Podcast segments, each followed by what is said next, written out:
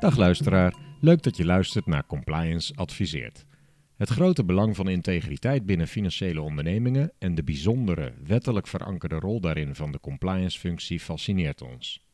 Daarom praten we ongeveer maandelijks met ervaringsdeskundigen en delen dit graag met een zo breed mogelijk publiek. Een podcast is daar dus ideaal voor. We zijn Niek Reuzelaars, zelfstandig compliance officer, werkzaam via Connective Payments. En ik, Erik Rijssenweber, compliance officer bij Triodos Bank Nederland. En eh, compliance adviseert, abonneer je op deze podcast, zodat je geen gesprek mist. Compliance bestaat voor een groot deel uit advies geven aan de business op basis van wet en regelgeving. Maar wat als wet en regelgeving weinig houvast biedt? Kan ethiek dan richting geven? Dit en meer bespreken we in deze aflevering van Compliance Adviseert met Edgar Karsing. Hij is sinds 1995 werkzaam bij Nijenrode en momenteel universitair hoofddocent beroepsethiek en integriteitsmanagement. We zijn uiteraard erg blij met zijn bijdrage aan Compliance Adviseert. Dus dag Edgar, dank dat je bij ons wil komen vertellen. Dag Erik. Meteen maar met de deur in huis. Hoe kun je universitair hoofddocent worden in het vak ethiek? Wat moet je dan kunnen? Dat is een hele mooie vraag. Uh, als jij nu universitair hoofddocent ethiek zou willen worden, dan denk ik dat je in de eerste plaats uh, ethiek moet studeren. Dat kan aan een filosofiefaculteit of uh, ook bij theologie. Ja, en vervolgens moet je aan een universiteit gaan werken, onderzoek doen. En dan kun je langzaam doorgroeien. Het is een vrij hiërarchische organisatie, een universiteit. Je begint als docent, dan kun je universitair docent worden, dan universitair hoofddocent, eventueel hoogleraar. Dus de juiste studie doen en hopen dat er een plekje op de universiteit is. En die studie heb je dus gedaan, filosofie of? Ik heb filosofie en economie uh, gestudeerd. Dus beide. Okay. Ja, nou ja. Dan is Nijenrode wel de place to be dan vervolgens, toch? Ik vind dat ik hier heel goed mijn twee studies tegelijkertijd kwijt kan. Ja. Kun je iets meer vertellen over je dagelijkse werkzaamheden nu? Ja, en dat is heel afwisselend. Nou ja, op een universiteit, je doseert. Ik geef dus heel veel colleges, uh, ook workshops. Intern hier op Nijenrode en ook veel... Uh, nou ja, zo heb ik je ook ontmoet bij een compliance opleiding of bij organisaties die intern workshops willen geven. Daarnaast doe ik natuurlijk onderzoek. Ik adviseer een aantal organisaties. ik schrijf heel veel, ja, dat hoort bij onderzoek, maar ik vind schrijven toch ook wel heel erg leuk. Dus nou, op die manier is het heel afwisselend. Kun je iets vertellen nu over je onderzoek? Wat, wat is een onderwerp waar je nu mee bezighoudt? Nou, dingen waar ik me op het ogenblik heel erg mee bezighoud, dat is uh, de ethiek van techniek. Het is natuurlijk enorm in opkomst met kunstmatige intelligentie. Een paar jaar geleden met uh, AVG, privacy. Uh, zo begon het ook. De, de ethiek van privacy, maar dat is een beetje uitgewaaierd naar uh, echt de ethiek van uh, kunstmatige intelligentie. Bijvoorbeeld onlangs een webinar bij uh, het Verbond van Verzekeraars. Die hebben nu een ethisch kader voor datagedreven besluitvormingsprocessen. Nou ja, hoe compliance daarmee om kan gaan, wat valkuilen eventueel zouden kunnen zijn. ze zijn net begonnen, ook wel heel leuk, een vak beroepsfilosofie voor accountants. Dus echt een filosofievak waar we gewoon ook filosofische teksten gaan lezen met accountants in de opleiding. Ja, dat dus- komt natuurlijk ook. Eh, het lijkt, een, eh, het lijkt alleen maar je buigen over cijfers en volgen van wat de instructies zijn. Maar het gaat toch ook om de vraag: wat vinden we hier nou van? Of niet? Nou, absoluut. Uh, en ik denk dat kijken naar de cijfers voor accountants steeds minder belangrijk gaat worden. Dan komen we ook weer bij de techniek. Ik denk dat dat steeds meer uh, door, door algoritme zal worden overgenomen.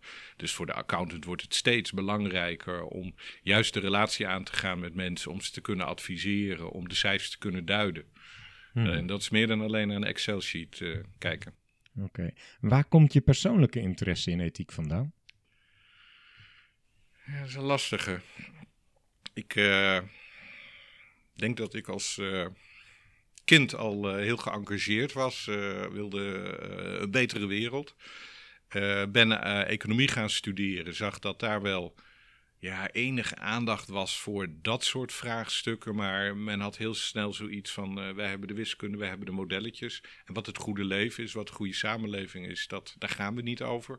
Wij kunnen hoogst aangeven, als we weten wat het is, hoe we er komen. Ik ben toen ook filosofie erbij gaan doen. En nou ja, daar, daar kon ik precies die, die, die belangstelling die ik had, maar niet bij economen kwijt kon, die, die, kon ik daar oppakken. Filosofen die praten natuurlijk al millennia over dit soort vraagstukken. En heb je het gevoel dat je gedurende je studie en uh, opleiding en je werk hier ook kan komen tot wat is eigenlijk goed dan? Wat is, de wat is het goede voor de wereld? Dat is een hele mooie vraag.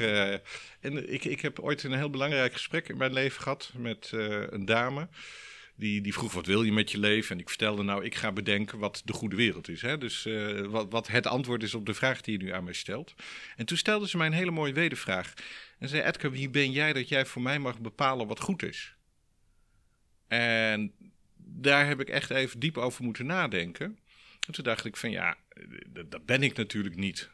Uh, ik kan niet voor anderen bepalen wat goed is. Dus ik zie uh, bij voorkeur dan ook de filosofie als de hulpwetenschap van het nadenken. Het nadenken over wat het goed is, mogen mensen lekker zelf doen. Maar ik denk dat filosofen wel uh, hele mooie handvatten, denkgereedschappen kunnen aanbieden om mensen daarbij te helpen. Dus wat ooit mijn droom was, ik ga de wereld vertellen hoe de ideale wereld eruit ziet. Dat, dat heb ik helemaal losgelaten.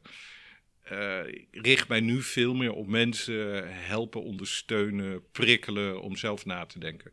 Ja. Beetje zoals Socrates ooit zichzelf, zowel als vroedvrouw als, als, als horzel neerzetten. Socrates die ging de markt op met mensen praten en stelde allemaal vragen, waardoor mensen moesten nadenken en erachter kwamen dat wat ze dachten dat ze wisten, dat ze dat eigenlijk helemaal niet wisten. Het is een beetje de horzelfunctie, het prikkelende. Maar hij zag de filosoof ook als vroedvrouw en dat is veel meer dienstbaar om ook mensen te helpen om, nou ja, uh, erachter te komen wat het goede is en hoe je het goede kunt bereiken. dus die, die twee functies die vind ik wel uh, gaaf voor de filosoof. Enerzijds de horzel, prikkelend, anderzijds vroedvrouw, dienstbaar. Daarmee beschrijf je denk ik al een beetje wat filosofie is, maar heeft ethiek daarin een specifieke plek of is dat gelijk aan filosofie? Hoe zie jij dat? Nou, Kant zei ooit, uh, filosofie bestaat uit een antwoord zoeken op drie vragen. Uh, wat kan ik weten, wat moet ik doen en wat mag ik hopen? En hij zei ook nog, als je die drie vragen beantwoordt, heb je ook een antwoord op de vierde vraag, wat is de mens? dat wat kan ik doen? De tweede vraag, dat, gaat echt, dat is echt de ethiek. En dat gaat wat mij betreft aan de ene kant over eh, jouw individuele ethiek. Wat is voor jou een goed leven? En aan de andere kant ook, hoe kunnen wij goed samen leven? Ja, want je had het net over die vragen, wat is goed leven? Die kun je misschien niet voor een ander stellen, maar misschien wel voor jezelf, toch? die kun je zeker uh, voor jezelf stellen. Dan hoef je je niet te beperken tot wat anderen ervan vinden. Nee, maar goed, dan, dan is het een, uh, voor mezelf een uh, private opvatting. En je wilt het toch wat breder kunnen trekken? Ik wil het wat breder kunnen trekken. Ik, ik, kijk, ik, ik, ik geloof ten diepste, we hebben één leven en dat, dat duurt ook nog best wel kort. En je kunt er maar wat doen. Ik heb ook zoiets, doe vooral ook wat je wilt doen. Maar stel wel die vraag, is dit wat ik echt wil? Want voor je, bij, voor dit weet is leven voorbij. Heb je dan gedaan wat je echt wilt doen? Hmm. En je kunt wel al je, je, je emoties, je smaak, je intuïties, je, je driften uh, volgen, je verlangens.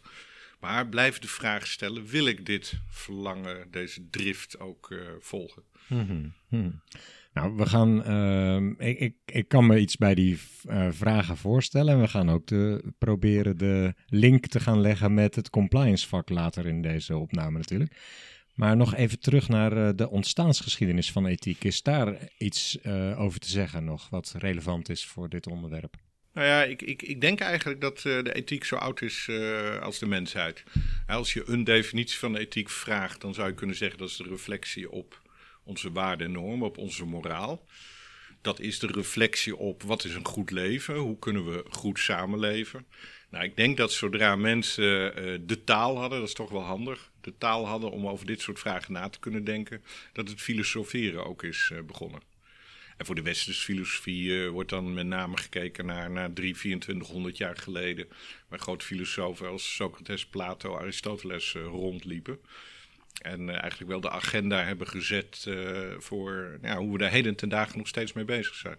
Ja, dus in de huidige ethiek, ethische vragen wordt er nog veel naar die eerste filosofen terug verwezen. Absoluut, absoluut. gerefereerd moet ik zeggen. Ja, dat vind ik ook heel grappig. Ik ben dus ook economie, heb economie gestudeerd. daar zie je dat nauwelijks nog wordt teruggegrepen op de oude economen.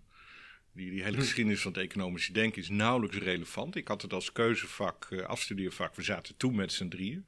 We over de jaren tachtig. Volgens mij is het daarna het vak uh, ook afgeschaft. Hm. Filosofen uh, die, die, die grijpen altijd weer terug op de hele traditie. ja, en dan hebben Plato en Aristoteles daar gewoon een hele belangrijke rol in gespeeld. Hm. Mag zelf ook heel graag teruggrijpen op met name Aristoteles. Hm. Ja. Oké. En om het een beetje praktisch te proberen te krijgen, welke rol speelt ethiek in het compliance vakgebied bij financiële instellingen of zou ethiek moeten spelen, wat jou betreft? Nou, wat mij betreft een eh, hele belangrijke rol. Ik, uh, wat ik een hele mooie ontwikkeling vind, is dat de compliance officer steeds meer ook als compliance en ethics uh, officer wordt gezien. Ik denk als je het historisch bekijkt, dat uh, compliance vooral is opgekomen uh, vanuit bepaalde wetgeving. In de eerste instantie vooral de juristen werd opgepakt.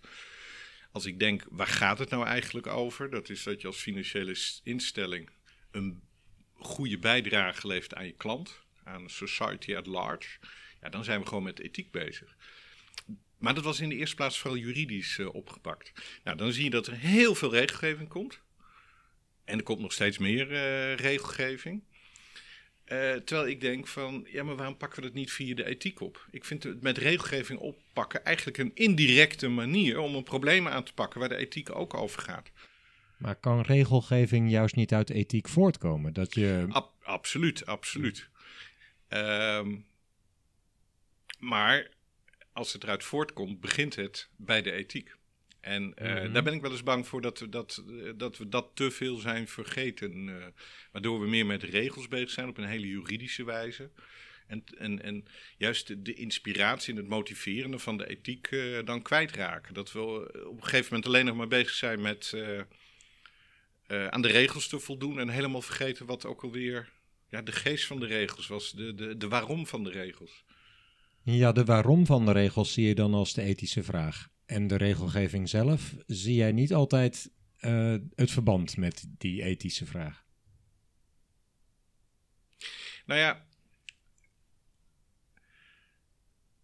Wat, wat ik, uh, ik, ik, vroeg een keer aan een groep compliance officers de vraag: wanneer ben jij tevreden in je werk? En voordat ik het vraagteken had uitgesproken, riep iemand als de toezichthouder tevreden is. Nou, wanneer is de toezichthouder tevreden als je aan de regels voldoet? En toen zei ik, zo so wat? Stel nou dat er geen toezichthouder is, wat dan? Ja, we moeten dan uh, risico's in kaart brengen. En er waren een heleboel. Hè. Je kent ze, legal, reputational. Uh, moeten allemaal in kaart brengen. Mhm. Ik zei, zo so wat doe je dat niet? Wat kan er gebeuren? Ja, zei die kunnen we schade leiden. Ik zei, zo so wat? Hou ermee op. Uh, wat kan er nou gebeuren? Nou, zei die kan de bank omvallen. Hij werkte bij een bank. Mhm. Ik zei, zo wat? Je zult niet de eerste zijn. wat maakt het nou uit? Nou, zei het is niet goed voor de financiële sector, hè, al die omvallende banken. Ik zei, zo wat, schaf die financiële sector af. Nou, dat kon niet, want longen en hart van de economie. Ik zei, zo wat, schaf die economie af. Nou, op dat moment begon het een beetje te vervelen bij die groep. maar toen zei iemand, ja, als we geen economie hebben, kan ik mijn dromen niet realiseren. Toen dacht ik van ja, nu heb ik zes keer geloof ik de so what vraag gesteld. Waar gaat het in essentie bij compliance om? Niet om de toezichthouder tevreden te stellen, maar om de dromen van de klant uh, te faciliteren. En dus, dat, dat, dat is voor mij de essentie. Dat, dat, natuurlijk, die regels zijn er niet voor niks. Maar uh, voor dit weet ben je alleen nog maar bezig met vinkjes zetten. Probeer steeds weer terug te gaan. Durf drie, vier, vijf, zes keer die so what vraag te stellen. Waarom doen we het nou echt? Wat staat er op het spel? Eh? En denk je, je hebt het in, je, in de opleiding die ik gevolgd heb uh, bij het NCI, uh, Nederlands Compliance Instituut, waar je ook les gaf over ethiek. Had je het ook over het moreel kompas? Denk je dat het moreel kompas je vanzelf uh, binnen de kaders van de wet houdt? Een goede vraag. Uh, ik denk dat met in, in de eerste plaats hoeven moreel kompas en wet natuurlijk niet op elkaar afgestemd te zijn. Dus het, het, simpele antwoord op je vraag is nee. Als het kompas is afgestemd op, noem het even de memorie van toelichting van regelgeving. Hè? Van waarom is die regelgeving er? Dan denk ik dat, dat, uh, dat wel een heel eind kunnen komen.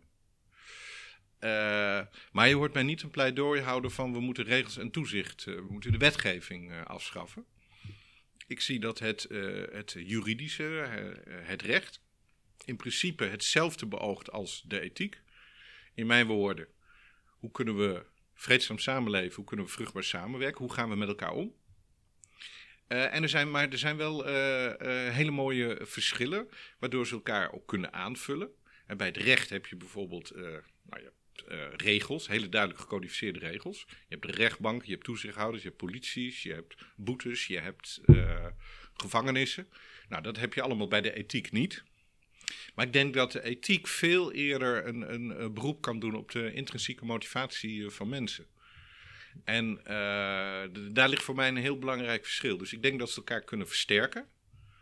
Dat uh, recht dat gebaseerd is op ethiek, hè, dat voortkomt uit ethiek, zoals jij dat net zei, dat dat eerder nageleefd zal worden. En dat de mensen wiens morele kompas niet helemaal goed is afgesteld, of bij wie het morele kompas even uitstaat, dat we ook blij mogen zijn dat er recht is om mensen uh, te helpen. Ja, dus als compliance officer zeg je, zou het goed zijn als je beide hanteert om het goede te doen? Ja, hm. absoluut. En, en als ik kijk naar klassieke compliance, uh, ik, ik heb voor het eerst de compliance officer in 1998 uh, ontmoet, dat is alweer een tijdje terug. in die zin heeft het vak zich wel behoorlijk geprofessionaliseerd. Die waren vooral bezig met regels. en ik zou zeggen eerder met afschikking dan met het motiveren van mensen om het goede te doen. Ja. En wat tegenwoordig heel hip is, hè, je kunt geen fatsoenlijke organisatie meer zijn als je geen purpose hebt, geen kernwaarden. Nou, dat, dat, dat biedt voor mij ook een taal hoe je mensen intrinsiek kunt gaan uh, motiveren. Ja, ja. En um, je vertelde zojuist al iets over reacties uh, van uh, luisteraars tijdens trainingen die je geeft. Uh, wat zijn uit, uit, de financiële wereld nou vooral de reacties als je het hebt over soft controls of ethiek? Nou, ik heb nooit over soft controls. Oh. Ik vind het een vreselijk woord. Die schaffen meteen af. ik, ik denk overigens wat onder soft controls wordt verstaan, dat die keihard zijn. Dus dat, dat vind ik al heel ongelukkig om iets wat zo hard is in zijn effect soft uh, te noemen. Mm -hmm. uh, kijk, wat ik grappig vind is dat uh, in de financiële sector wordt heel veel geklaagd over de, de regeldruk. En dat snap ik. En uh, ik, ik, als ik een workshop geef, kan ik ook rustig gaan zitten en een kwartiertje iets anders gaan doen. Mensen, dat, dat, dat klagen, die energie, die zit er wel in. maar goed, na een kwartiertje wil ik ook weer eens wat anders doen. Dus dan, dan sta ik op en dan vraag ik maar wat gaan we eraan doen? En dan wordt het vaak heel erg stil. En dat is een soort handelingsverlegenheid.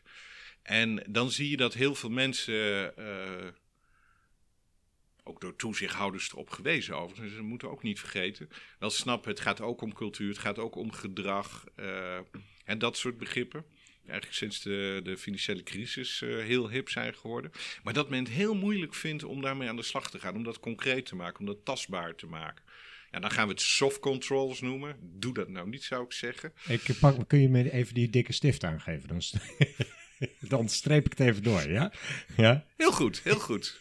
Nooit meer doen, nooit ik, meer doen. Ik hou me eraan, absoluut. Uh, wat denk ik wel heel erg belangrijk is, is dat je inderdaad uh, uh, snapt dat, dat, dat met alleen maar regels werken, dat, dat, dat gaat niet werken. Dat, dat, dan heb je een politiestaat nodig. Je moet echt, denk ik, mensen kunnen aanspreken ook op hun intrinsieke motivatie en heel goed snappen dat nou, zoals een collega van mij dat heel mooi zegt, gedrag in organisaties in belangrijke mate wordt bepaald door de boodschappen die medewerkers denken te ontvangen over wat er echt wordt gewaardeerd. Hele mond vol. Hmm. Uh, waarmee hij aangeeft dat uh, die culturele dimensie, de, de perceptie die mensen hebben over wat is in deze uh, organisatie echt belangrijk, dat dat in hele belangrijke mate het gedrag bepaalt. En als jij allemaal regels hebt over hoe netjes moet, maar je wordt alleen maar op je targets en je PNL afgerekend, dan, dan, dan, verdwijnen die regels ook uit beeld. Ja, dat uh, kan ik me voorstellen, maar ehm, ja, er is toch wel heel veel geloof ook wel bij financiële instellingen in beleid en regelgeving naleven. Ehm, hoe kan een individuele compliance officer dan zijn morele kompas gebruiken eh, in jouw optiek? Bedoel je dat hij of zij uh, zijn of haar kompas gebruikt of zorgt dat het kompas kan gaan leven? Dat zijn natuurlijk nog twee verschillende vragen. Nou, kijk, de, ik denk dat een compliance officer regelmatig in beide rollen uh, komt. Absoluut. In, in, beide situaties. Dus stel je um, iets heel concreets, je accepteert een klant met een hele complexe structuur. Dan wil je je morele kompas en de wetgeving gebruiken om een besluit te nemen. Vinden we dat het risico acceptabel is, ja of nee, om deze klant aan te nemen? Um, dat, dan, dan ben je dus zelf bezig om je morele kompas en de wetgeving toe te passen. En aan de andere kant probeer je ook training met middels training of overdracht uh, anderen zover te krijgen. Dat zijn twee verschillende rollen. Misschien ook wel het verschil tussen de eerste en de tweede lijns compliance officer. Um, laten we dan de eerst die eerste eens pakken. Je zit in de situatie waarbij je een complexe klant moet borden. Hoe, op wat voor manier kun je dan uh, bij, bij bijvoorbeeld Know Your Customer processen ethiek hanteren in jouw optiek? Nou, ik, ik, ik denk A, overigens dat het, dat het uh, probleem is, jij zegt in de financiële sector uh, houdt men erg van regeltjes. Ik denk niet dat het waar is, maar men erg van houdt is geen gedoe hebben met de toezichthouder. En daarom maar op aantoonbare wijze soms ook echt fratsen uithaalt om maar aantoonbaar iets te kunnen laten zien. ik denk dat in die kaas die je net noemt, dat het een valkuil is als we gaan zeggen: uh, we moeten teruggrijpen op de, het morele kompas van de compliance officer. Dan ga je het mhm. weer heel erg subjectief uh, uh, Dat zou maken. subjectief worden, ja. Ja. je ziet overigens dat bij die complexe producten je met alleen regels er ook niet komt. Het is niet voor niks dat men het nu heeft over maatschappelijke betamelijkheid, wat toch echt een morele notie is. Dus, alleen maar belasting. hoe heet dat? Ontwijking, ontduiking, wat bedoel je? Ik bedoel ontduiking. Ja. Alleen belastingontduiking, hè, dat mag niet, dat, dat, dat is helder, er zijn duidelijke regels voor. Maar belastingontwijking is natuurlijk al een uh, veel in, uh, ingewikkelder begrip. Hè? Agressieve tekstplanning, ja, wat is dat nou precies? Maatschappelijke betamelijkheid, dat zijn begrippen, daar kom je niet met, met, met regels. Daarom zijn die begrippen ook juist uh, geïntroduceerd. dan heb je moreel kompas nodig. Uh, om je helemaal afhankelijk op te stellen van het toevallige morele kompas van een compliance officer lijkt me ook weer ongelukkig.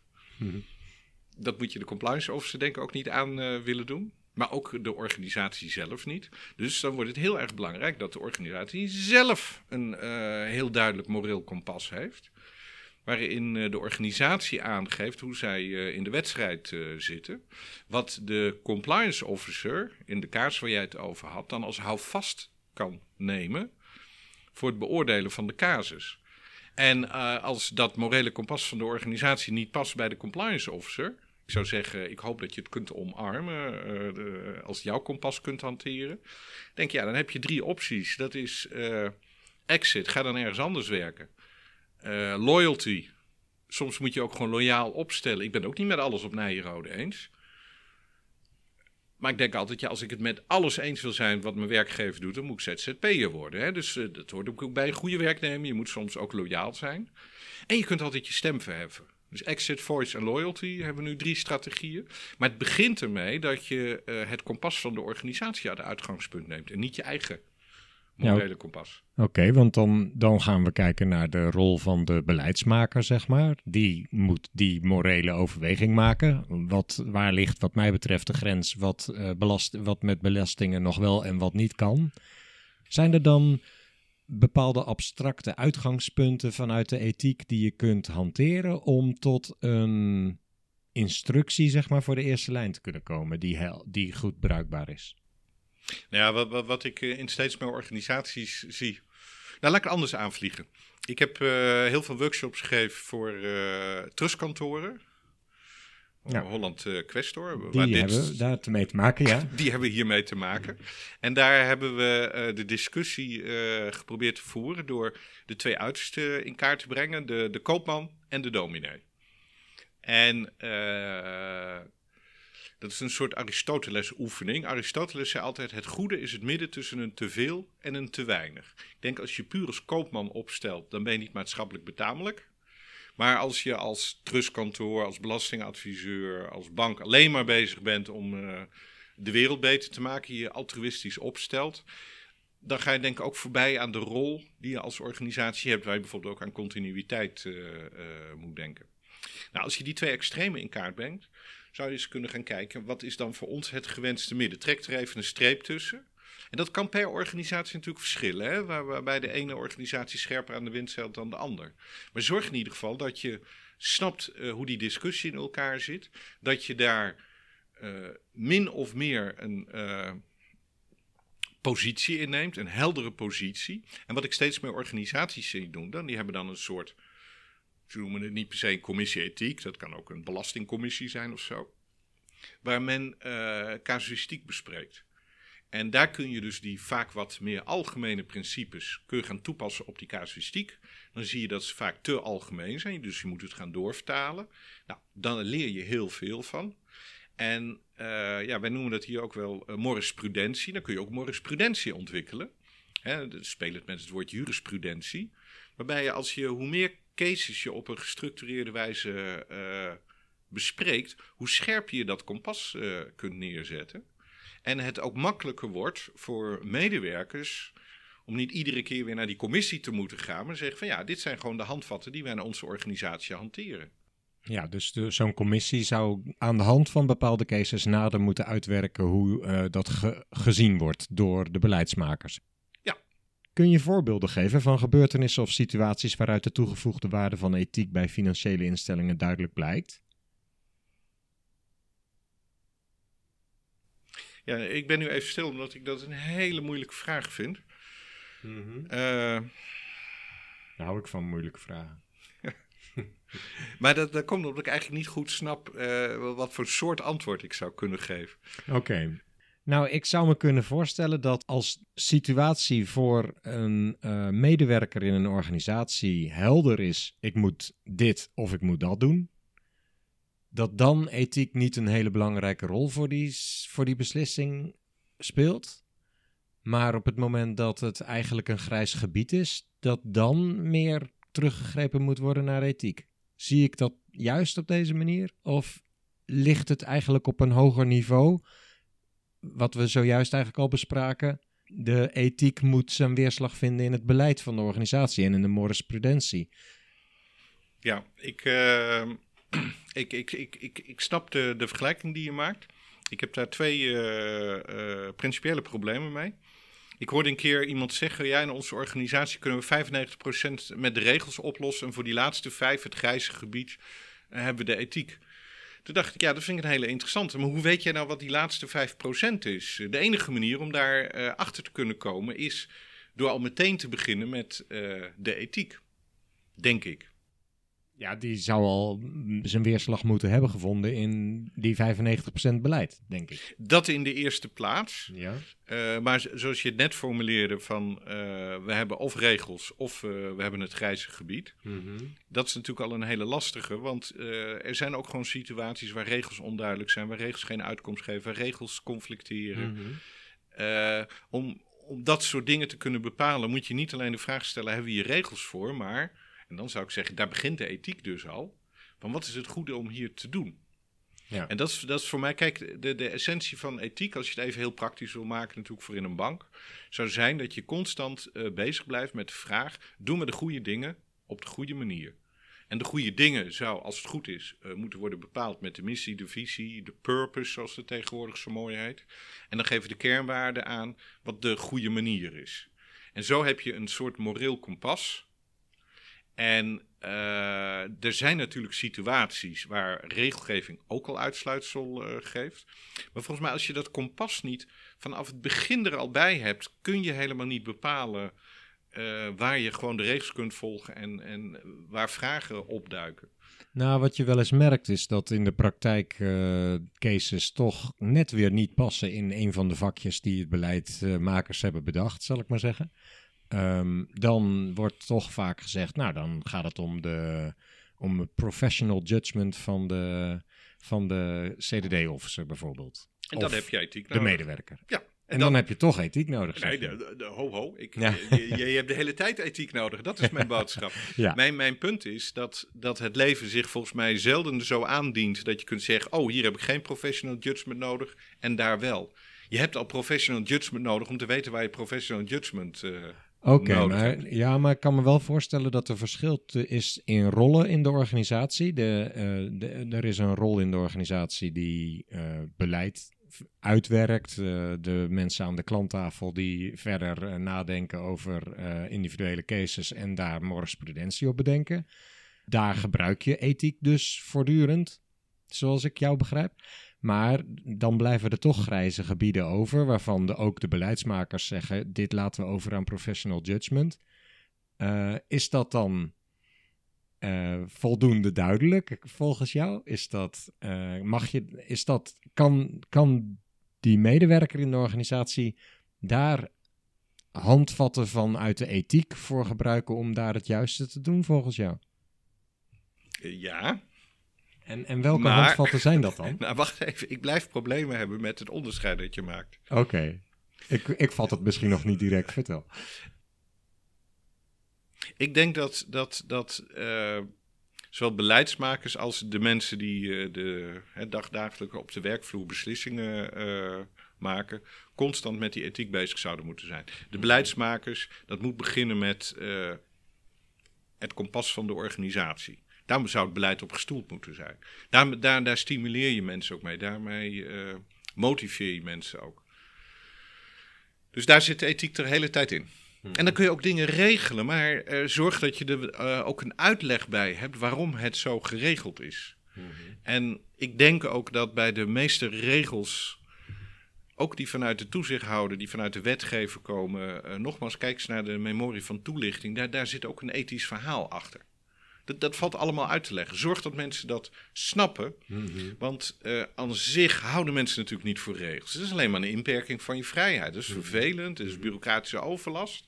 Dus zorg dat mensen, daar waar regels zijn, snappen waarom ze er zijn. Zodat ze er gemotiveerder eh, eh, mee om kunnen gaan. Ja. Maar waar ik problemen mee heb, is de suggestie van... we hebben een aantal dingen die kunnen we regelen... en daarnaast hebben we nog een aantal eh, cases, het grijze gebied... waar professional judgment eh, een rol speelt. Ik heb daar moeite mee, omdat je volgens mij op voorhand niet kunt aanwijzen... wat, wanneer professional judgment eh, echt nodig is... en wat volgens de regels kan worden opgelost. Wat dus betekent dat je in 100% van de gevallen professional judgment nodig hebt. En waar misschien je eerste judgment is. Geven de regels hier uitsluitsel of moeten we nog een stap verder gaan? En wat ik een hele praktische manier vind, eh, en het is, het is nog abstract, maar dat kun je dus heel makkelijk verder invullen, is door ethiek te agenderen, door constant de vraag te blijven stellen: doen we de goede dingen op de goede manier? Dat kun je nog praktischer maken de- door het weer te vertalen naar een aantal vragen als: kan het? En dan denk ik eh, ook technologisch, hè, als je met nieuwe technieken gaat werken. Loont het? Levert het ook geld op? Niet een onbelangrijke vraag. Mag het? Maar als je daar drie keer ja op ge- ge- hebt gezegd, kun je altijd nog de vierde vraag stellen: willen we het ook echt? Willen wij als organisatie op deze manier aan de slag gaan?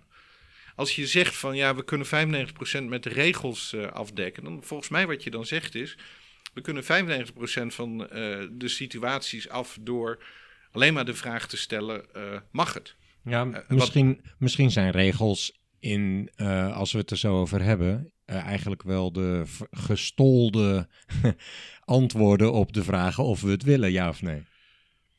Dat is. eh, ik, ja, dan, en dan kom je weer van het recht vloeit voort uit de moraal, Ja. zoals je ook eerder zei. ja. Dus het zijn inderdaad gestolde antwoorden. Ehm, Nou, als ik bijvoorbeeld aan witwassen denk. Ik zie in witwasregelgeving die ik nu, die steeds weer aangevuld wordt en verscherpt en, en eh, vernieuwd, zie ik niet heel vaak meer terug dat abstracte, waarom doen we dit nou eigenlijk precies? Het lijkt erop dat we daar een beetje af, hoe ik, eh, afdwalen van, van waarom doen we dit precies? Het gaat, en, en ik denk dat het gezond is als je die vraag blijft stellen. absoluut, absoluut. Ik kan me nog heel goed herinneren dat ik een praatje hield bij de Vereniging van Compliance Officers. En uh, nou, als ik een praatje heb gehouden, dan wil ik gewoon even frisse lucht, kopje koffie, uh, geen gezeur aan mijn hoofd. Maar ja, na mij kwam ook nog gesprekken en die kwam over witwas praten. Anti-witwasbeleid. En ik vind dat, ik zal het maar eerlijk zeggen, een heel saai onderwerp. Dus liefst was ik gewoon de zaal uitgelopen en ik dacht, ja, hij heeft bij mij gezeten, dus ik moet beleefd zijn. Hè? Dus ik ben gewoon in die stoel gaan zitten en ik, ik kan heel goed uh, eruit zien alsof ik heel aandachtig luister. dus ik dacht, ik, ik red mij wel. Uh. Maar toen begon hij met een aantal foto's van de, de, de drugsoorlog in Mexico. En het waren hele nare beelden. En hij zei, dit is waarom anti-witwasbeleid belangrijk is. Omdat we hier niet aan willen bijdragen. Nou, ik zat op het puntje van mijn stoel en ik had alleen maar zoiets. Vertel mij alsjeblieft, wat kunnen wij doen? Hoe ziet anti-witwasbeleid eruit? Dus dat is wel heel erg belangrijk. Zie je het alleen nog maar als een enorme bureaucratische overlast. Waarbij we de grote boetes moeten zien te voorkomen. Mhm. Of dat je echt een bijdrage levert aan een betere wereld. Mhm. Dus als we die motivatie kwijtraken, ja, dan worden de regels heel erg vervelend. Het tweede, en dat vond ik een heel mooi voorbeeld wat ik een keer van een compliance officer hoorde, of een CDD-analyst moet ik zeggen. Hij gaf uh, vragenlijsten mee aan de accountmanager, die bij de klanten informatie moest ophalen, zodat hij de beoordeling kon doen. Maar die accountmanager had er geen zin in en die stelde eigenlijk de verkeerde vragen en kwam in ieder geval met verkeerde antwoorden thuis. Dus dat, dat was altijd een hoop gevriemel. En uh, toen is hij een paar keer met hem meegegaan. Om uh, gewoon A, te kijken hoe zo'n gesprek gaat. Maar B, ook om de accountmanager te helpen de goede vragen te stellen. En zo ontstond er een soort vragenlijst waar de CDD-analyst heel blij mee was, omdat de accountmanager mee uh, aan de slag kon en hij dus uh, de informatie kreeg die hij nodig had. Maar ook de accountmanager heel erg blij was, omdat hij zag dat de vragen, die primair vanuit CDD waren ingestoken, hem ook hielpen om de klant beter te leren kennen en dus uh, ja, een beter product aan te kunnen bieden. Ja. En, en volgens mij is die creativiteit nodig. Maar als je alleen maar denkt van uh, we moeten die toezichthouder tevreden stellen, ja, dan ga je natuurlijk heel minimalistisch in de wedstrijd zitten. En dat is niet motiverend. Ja, ik denk dat het ook vaak wel een teken aan de wand is als je vragen vanuit de eerste lijn bij compliance terugkrijgt over moeten we het nou zo of zo interpreteren. Dan lijkt het toch tijd om weer eens aandacht te besteden aan waarom doen we dit nou precies. ja. Want we willen allemaal een beter leven, maar dan wel zo eerlijk mogelijk. Daar zijn we verbank voor. Dat, dat is high over gewoon waar je mee bezig bent. Als je het over zorgplicht hebt bijvoorbeeld. Ehm, banken moeten zorgen dat mensen niet verkeerd beleggen omdat ze daar zelf schade van kunnen ondervinden. Vind je dat een juist uitgangspunt? moeten, uh, moeten mensen niet gewoon zelf wat verstandiger beleggen? Oh, mensen moeten absoluut wat verstandiger beleggen. Maar kijk, als we iets hebben geleerd uh, de afgelopen jaren, is uh, zeker met vakgebieden als behavioral economics, hè, waar, waar, economen van psychologen hebben geleerd dat je niet van modelmatige aannames moet uitgaan van dat mensen maar rationeel zijn, maar gewoon eens als psychologen kijken hoe mensen echt in elkaar zitten. En dan krijg je van die mooie kreten als, als Dan Ariely dat zegt, mensen zijn voorspelbaar irrationeel. Dus jij kunt mij wel een, een, een, een financiële bijsluiter geven bij dat mooie product dat jij verkoopt. Maar het is A, maar de vraag of ik het lees. B, als ik het lees, dat ik het snap. En uh, als ik het al snap, dat ik er ook nog de juiste conclusie uh, op trek. Mensen zijn voorspelbaar irrationeel. Dan vind ik het ook ontzettend gaaf dat uh, bijvoorbeeld de AFM nu ook een gedragslab heeft. Waarmee ze ook zeggen, ja, die, die financiële bijsluiter, dat gaat eigenlijk van de homo economicus uit, die rationele beslissingen neemt. En dan kun je inderdaad zeggen van mensen, je bent zelf verantwoordelijk voor je beslissingen. Maar als je op voorhand weet dat mensen ja, de AFM zal het zo niet noemen, maar een beetje dom zijn, een beetje irrationeel zijn. Uh, bij de AFM zeggen ze geloof ik dat mensen intuïtief uh, uh, beslissingen nemen. Als je dat op voorhand weet, dan moet je inderdaad een beetje paternalistisch zijn. En dat is natuurlijk het makkelijke tegenwoord. Hè, van, oh, dat is allemaal paternalistisch. Maar dan denk ik weer, à la Aristoteles, het goede is het midden tussen te veel en te weinig. Mm -hmm. Helemaal de verantwoordelijkheid bij de klant leggen. In, dat is denk ik niet goed, omdat de klant dat niet aan kan. Als bank voor de klant bepalen wat goed voor hem of haar is, dat gaat natuurlijk ook, dat wordt te paternalistisch. Mm -hmm. Dus het is voortdurend een zoeken. Ja. En dat zie je natuurlijk ook bij de zorgplicht, hè, dat men testjes mag maken van hoeveel verstand heb ik er nou van. En mensen die er meer verstand van hebben, die uh, mogen iets uh, agressiever beleggen dan mensen die er minder verstand van hebben. En ik vind dat heel terecht. ik vind het een hele mooie manier om als bank die zorgplicht uh, op te pakken en ervoor te zorgen dat iedereen, want dat is namelijk het, het verhaal dat dan weer vergeten wordt te zeggen, dat iedereen kan beleggen. Anders zou je een soort examen moeten hebben. En dan hou je volgens mij maar een heel klein clubje mensen over die nog zouden mogen beleggen, omdat ze er genoeg verstand van hebben. Ja, dan zou het ook weer unfair in de samenleving zijn. Ja. Ja. ja. Ehm, zou je iets kunnen zeggen over de rol die ethiek speelt in het formuleren van een bedrijfsstrategie en ook met name de vertaling naar een risk appetite? Is dat heel concreet te maken? Zijn daar bepaalde handvatten voor nog? Het is me nogal een vraag. Ja. Eh, Ik mocht gelukkig deze vraag bedenken. nou ja, en dan ga ik weer terug naar wat ik al eerder heb gezegd. Mhm. Voor mij is ethiek primair dat je de goede dingen doet op de goede manier. En als je het over bedrijfsstrategieën hebt, dan begin je volgens mij ook te kijken waar, waartoe zijn wij op aarde als organisatie? Wat is voor ons het goede? En hoe gaan we dat op een goede manier doen? Ja. En dan, eh, dus als je die strategie gaat uitwerken, komt daar vanzelf in beeld de purpose, de missie, de visie, de kernwaarden. En dan niet alleen als mooie woorden die je op de website kunt zetten, maar waar je echt mee aan de slag eh, moet gaan. Maar is ethiek dan, het komt niet alleen neer op de, steeds de vraag stellen, waar, wat is de purpose of eh, being? Ehm, zijn er ook methoden die je, waar je iets over kunt vertellen, die daarbij guidance kunnen bieden? Er, er, er zijn heel veel eh, eh, methoden. Welke heeft jouw voorkeur? Nee, zo, zo makkelijk eh, Ah, is het. Nee, het is niet dat we een soort gereedschapkist hebben en nou, hier heb je een boor en daar los je de problemen mee op. Nee, nee. Nee, ik, volgens mij begint het veel meer vanuit een houding. De houding om oprecht de vraag te durven en te blijven stellen: waartoe zijn wij op aarde en wat betekent dat voor de manier waarop wij ons werk doen? En doen we dat dan op een goede manier? Is dit de bedoeling van onze werkzaamheden? Maar als dat de vraag is, waartoe zijn wij op aarde, dan kan ik me voorstellen dat je daar op een gegeven moment een antwoord op hebt. Ja. En betekent dat dan niet tenslotte dat je er dus ook altijd op dezelfde manier dan een vervolg aan geeft? Hoe bedoel je precies?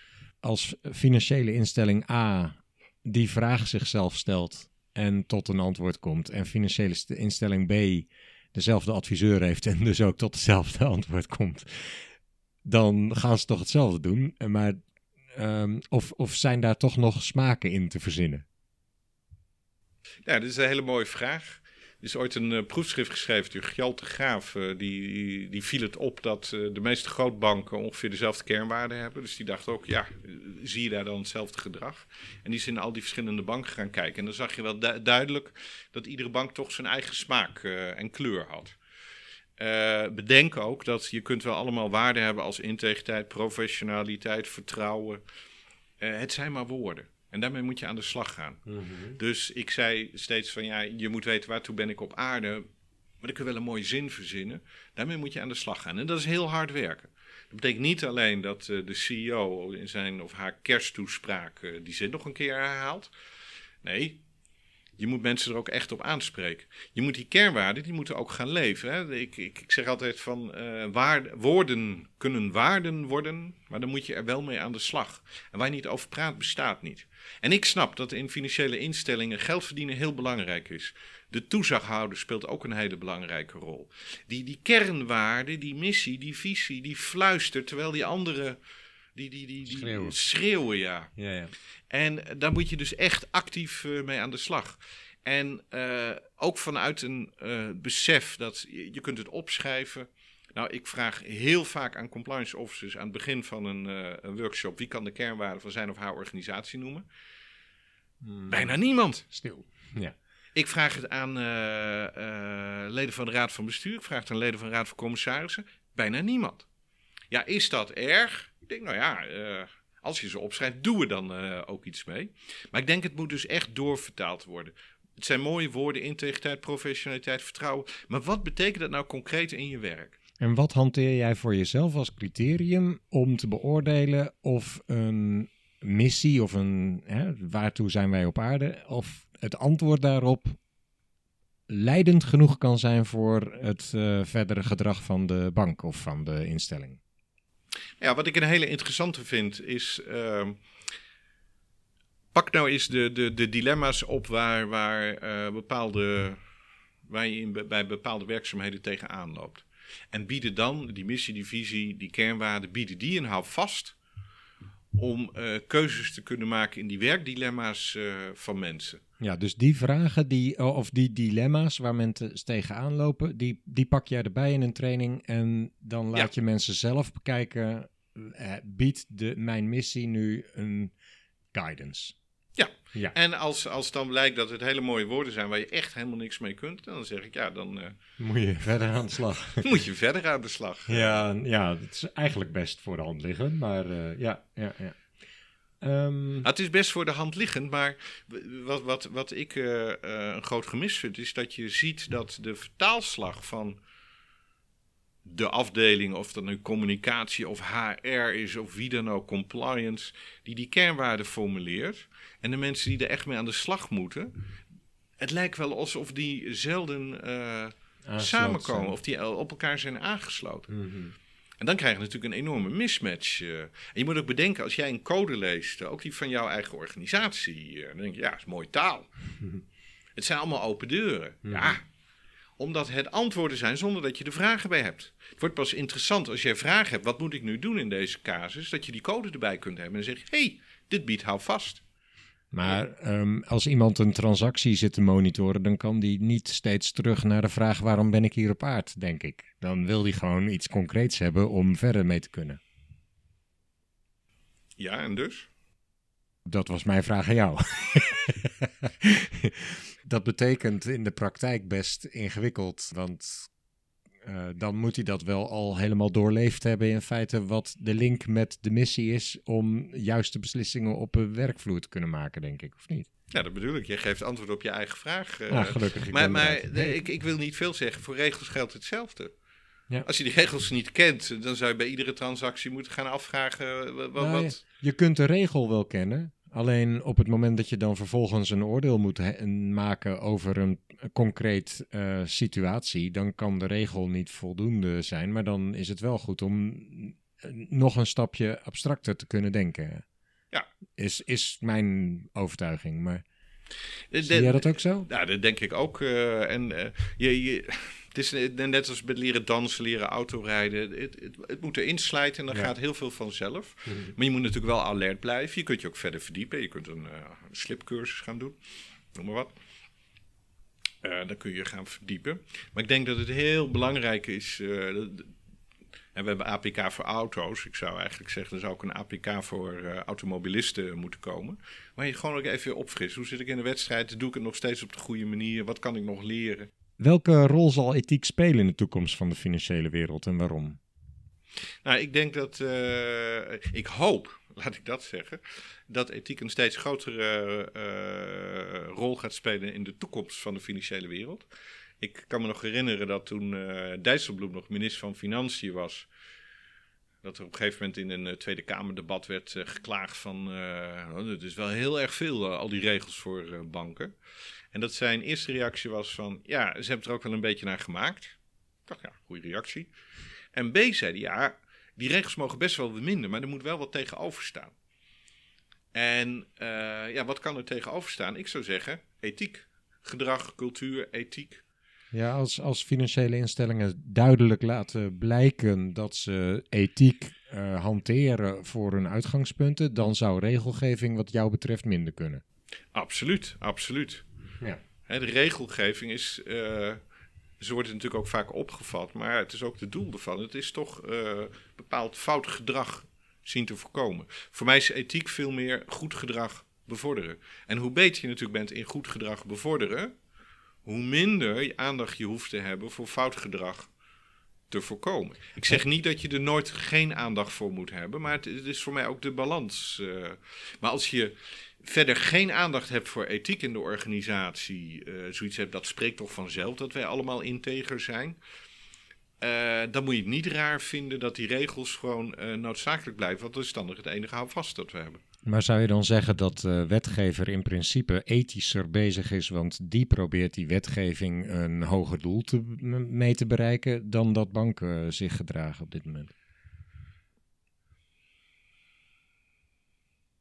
Vind ik een hele lastige. wat je ziet is dat er natuurlijk een, uh, Daar speelt het, in, in het hele politieke spel. Uh, kijk, de toezichthouders hebben de crisis ook niet voorkomen in 2008.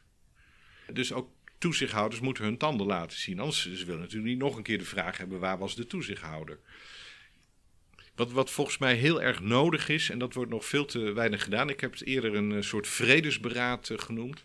Dat toezichthouders en banken echt met elkaar in gesprek gaan over hun wederzijdse dilemma's. En ehm, we hebben het een paar keer zelf georganiseerd. En dat is heel spannend. Hè? Als jij uh, over jouw dilemma's praat met de, de toezichthouder die jij morgen weer aan de telefoon hebt in zijn of haar toezichthoudersrol. Mm Dat is volgens mij nodig om elkaar echt te leren begrijpen. Dat de, de, de banken niet alleen maar naar de toezichthouder gaan. Leg maar alsjeblieft uit hoe ik dit moet uh, duiden. Zodat dat wat nog principle-based is ook weer rule-based kan worden ingevuld. Maar echt ook een gesprek voeren van uh, ook bijvoorbeeld op aantoonbare wijze. Ja, je moet op aantoonbare wijze je medewerkers hebben geïnformeerd over het beleid. Uh, en wat gaan we dan laten zien? Uh, de klikscore op de e-learning. Ik denk, dat gaat drie keer helemaal nergens over. en iedereen trapt er blijkbaar in. We spelen gewoon een of ander raar spelletje met elkaar. Een mhm. toneelstukje. Mm -hmm. Maar laten we eens gaan kijken hoe we dat wel kunnen operationaliseren. Nou, denk je dat de overheid en de banken het eens zouden worden over bijvoorbeeld hoe om te gaan met belastingconstructies? Als voorbeeld. Ik denk niet dat overheid en uh, banken het hier met elkaar eens uh, hoeft te worden. Ik, ik vind het heel goed dat je de, de overheid en de toezichthouders met maatschappelijke betamelijkheid die discussie heel nadrukkelijk op de agenda zetten. als je kijkt hoe ze dat doen, dan is dat weer vrij procedureel. Je moet vooral kunnen laten zien dat je, en dat vind ik trouwens een goede manier, vooral kunnen laten zien dat je snapt dat het onderwerp bestaat uh, en dat je daar een eigen positie uh, inneemt. Mm -hmm. En ja, wat maatschappelijk betamelijk is, dat, dat is volgens mij ook een discussie die je met, uh, met de stakeholders, met de samenleving moet voeren. Mm -hmm. Is dat gemakkelijk? Nee, dat is niet gemakkelijk. Ik kan me voorstellen dat gevolgethiek of principe-ethiek daar wel ook leidend in kan zijn, of niet? Je kan tenslotte bekijken welke mensen hebben er het meeste belang bij. Of, of ik bedoel, eh, zijn alle belangen voldoende in kaart gebracht? Dan ligt daar de keus. Kijk, wat, wat, wat je met, uh, en dat is voor mij ook die ethische reflectie, hè, nou, dat gaat dus echt verder van voldoen aan de belastingwet, is dat je inderdaad kijkt of je dat nou principe-ethiek of gevolgethiek noemt, maar dat je inderdaad kijkt wie zijn nou alle belanghebbenden in deze discussie en hoe houden we rekening met hen? Ja. Wie, wie, wie zijn de zwakkeren? Wie zijn hier kwetsbaar? Uh, wie zijn hier de sterkere partijen? Heb je het gevoel dat uh, in de wetgeving. Uh, kijk, ik, denk, ik kan me namelijk wel voorstellen dat de wetgever wat eenvoudiger het algemeen belang in, de, in het vizier heeft uh, dan de bank zelf. Of de andere financiële instelling. Want elke keer als we het over de bank hebben, uh, kunnen we het over andere, alle financiële instellingen hebben misschien. Maar... Kijk, wat het hele lastig is als we het weer over de, de belastingethiek hebben. Je hebt, uh, ik had het al over de koopman en de dominee. Maar er is, er is nog een tegenstelling. En de ene tegenstelling is, uh, ja, laat de overheid het maar oplossen je moet als financiële instelling moet je gewoon aan de wet voldoen. Nou, zolang je daaraan voldoet, uh, is er niks aan de hand. En als de overheid er commentaar op heeft, dan moeten ze de wet maar aanpassen. Nou, dat, gaat, dat, dat wordt volgens mij een soort uh, red race tussen wie is het slimste. En uh, die belastingadviseurs, uh, die zullen hun intelligentie wel gebruiken om altijd weer de maas in de wet te vinden. Dus dat wordt volgens mij een soort race waar niemand gelukkig van wordt. Nou, behalve die belastingadviseurs die tegen een niet onaardig uh, tarief, tarief uh, ja? hun intelligentie mogen inzetten. En aan de andere kant van, ah, het gaat om fair share, reciprociteit en weer die hele grote ethische woorden. Uh, waarbij ik denk dat, en zo hoor ik dat ook, in, in de belastingwereld met name dat punt zit, ja, overheid, jij staat voor het algemeen belang, zorg maar dat het goede regels zijn en de, de, de, de tegenhangers dan uh, met hele grote woorden komen. Volgens mij gaat ons dat niet verder helpen. En uh, is er veel eerder, ja, het is weer procedureel, toch ook een stakeholdersdialoog nodig waar we snappen wat de verschillen zijn. Waar, waar je een antenne hebt als organisatie voor de, de, de maatschappelijke zorg in de samenleving. Waar je, zou ik zeggen, ook als belastingadviseurs de plicht hebt om ook het publieke debat te informeren. Want er is denk ik ook veel, uh, noem het onkennis, gebrek aan kennis in het publieke debat over wat er nou eigenlijk precies gebeurt uh, in de fiscaliteit. Dus informeert uh, het debat daar ook over. Maar probeer in ieder geval samen uit te zoeken wat maatschappelijk betamelijk is. en dat, dat we daar misschien niet helemaal uitkomen, maar dat je wel als organisatie daar in ieder geval dan ook een helder standpunt kunt inzetten. En dat, kan, dat ik dan als kritische klant kan zeggen, ja, met jou wil ik wel zaken doen en met jou niet. Ja, nou, er zijn nog wel wat uh, discussies over te voeren en uh, stappen in te nemen, denk ik, op dit moment nog. Uh, er zijn heel veel uh, discussies over te voeren. En ik denk ook dat uh, het beleid van de overheid, nou, dat, daar wordt natuurlijk ook veel discussie nu over gevoerd, ook zeker scherper kan. Maar de ethiek zal deze discussie niet zomaar oplossen. En daarom nogmaals, ik zie de ethiek bij voorkeur als de hulpwetenschap van het nadenken. Dus laat filosofen, laat ethiek dan, dan helpen om dat debat in ieder geval op een goed, goede manier te voeren. Nou, ik heb wel een paar handvatten meegenomen uit dit gesprek. Uh, zoals bijvoorbeeld dat het toch vaak in het midden ligt. En uh, dat je jezelf die vragen moet stellen. En dat je de link ook blijft leggen met uh, waarom zijn we hier op aarde. Een aantal andere zaken ook. Dat brengt mij eigenlijk ook meteen bij de laatste vraag voor deze podcast. Tenzij nee, laat ik eerst vragen: wil je er nog iets toevoegen? Heb jij het gevoel dat je hebt kunnen vertellen waarvan jij dacht, daar gaan we het vandaag over hebben?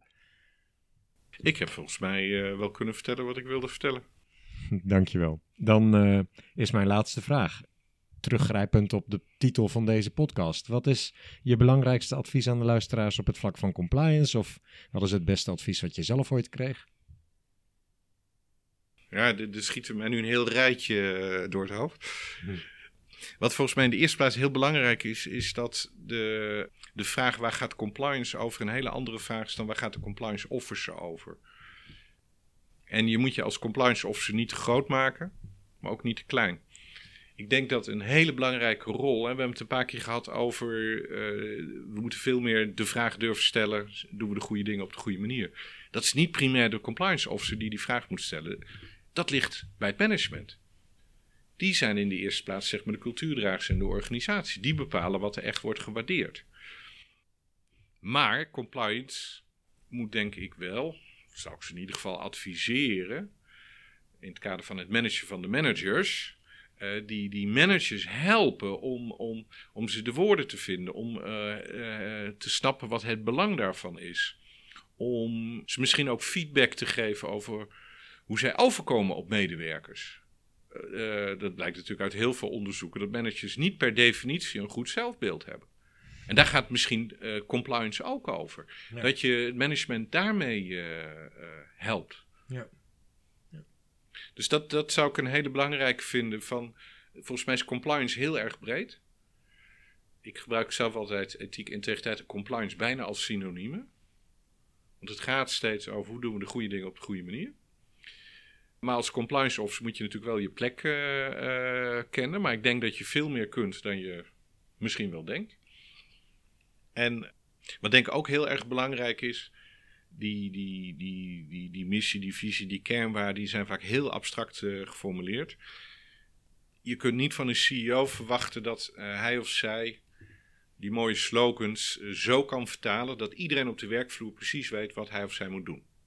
Nou, om dat per individu te gaan doen, dat gaat ook niet werken. Dus ik denk dat de belangrijkste eenheid van interventie, dat begrip maar eens te gebruiken voor compliance, is het team. En ik denk dat uh, compliance officers uh, dus misschien nog wel veel meer met uh, de middenmanagers aan de slag zouden moeten. Om hen te helpen die kernwaarden echt tot leven te brengen. Een heel mooi artikel dat ik ooit, of rapport dat ik ooit las, ik kan het helaas nergens meer terugvinden. Dat heet Managing Ethics Upwards. Waar werd gezegd, stelling werd gepromineerd, dat compliance zich eigenlijk 40% van de tijd bezig moeten houden met het management. Om uh, het management te stimuleren en te faciliteren bij het pakken van hun rol. Nou, um, dat zijn zomaar uh, meerdere concrete adviezen. Hartelijk bedankt hiervoor. Daarmee zijn we aan het einde gekomen van deze podcast. Dank voor het delen van zoveel interessante informatie en goed advies. Veel succes voor de toekomst, Edgar. Over een week of twee is er weer een podcast. Mis hem niet. Abonneer je daarvoor op de podcast in je favoriete podcast-app en volg de LinkedIn-pagina van Compliance Adviseert.